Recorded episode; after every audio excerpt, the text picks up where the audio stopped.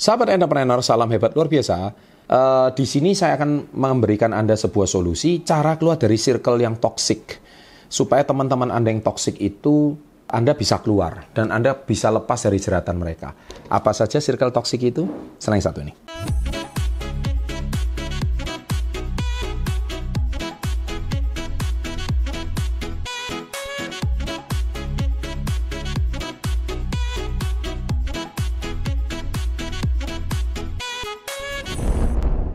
Nah, jadi tentunya banyak sekali kita sadar atau tidak kalau kita itu mau maju, nomor satu itu sebenarnya adalah lingkungan.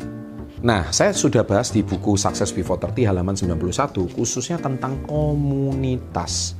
Kita tidak bisa pungkiri bahwa komunitas lingkungan itu sangat menentukan arah masa depan kita.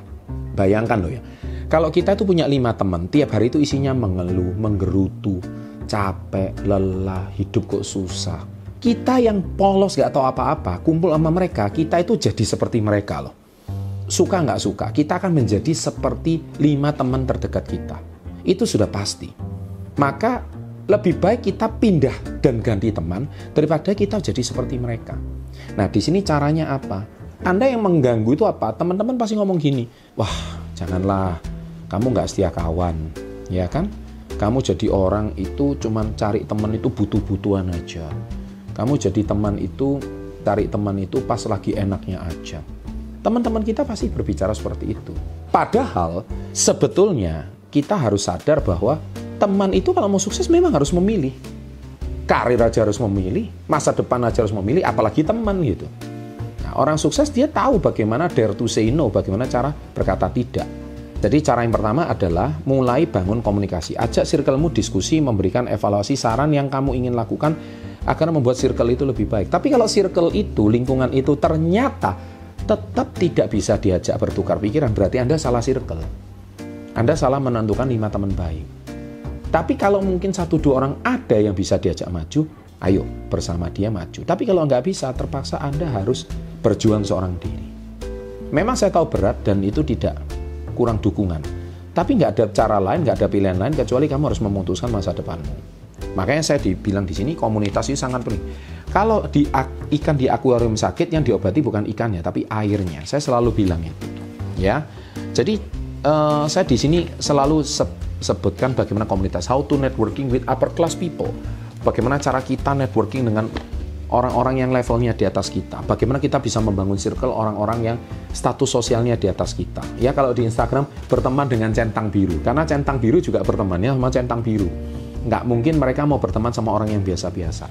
Bukan mereka sombong, bukan mereka apa, tapi itu pilihan gitu. Jadi kamu nggak bisa ngecap mereka sombong. Pertanyaannya, mereka bisa dapat centang biru juga tidak mudah. Nah, bagaimana prosesnya gitu ya? Kemudian cara menyukai orang lain segera menyukai orang uh, orang lain segera menyukai Anda dalam waktu satu menit atau kurang. Itu ada di halaman 94. Nah, itu tips-tipsnya di sini. Ini semoga bisa membantu Anda. Nah, cara yang kedua keluar adalah mencari circle baru. Nah, tips-tipsnya saya sudah bangun komunitas di sini. Biasanya kalau circle toxic pasti juga dikelilingi orang toxic juga. Jadi lebih baik kalian mencari circle baru dan jaga jarak dengan circle toxic. Karena circle toxic itu melelahkan, melelahkan mental kita, membuat kita capek dan lelah. Mengklarifikasi habis habis baikan besok ribut lagi. Habis baikan besok ribut lagi. Intinya tiap hari itu bermasalah deh. Ada yang salah dengan cara berpikir mereka. Itu namanya circle toxic. Dan yang ketiga, nah ini cara yang ketiga adalah mengikuti aturan. Jika circle tersebut adalah keluarga, kalian jangan marah. Cukup ikuti saja aturannya untuk menghargai anggota keluarga. Namun bisa dibicarakan baik-baik apa yang kalian tidak cocok dari circle keluarga tersebut dan mencari jalan keluar bersama-sama.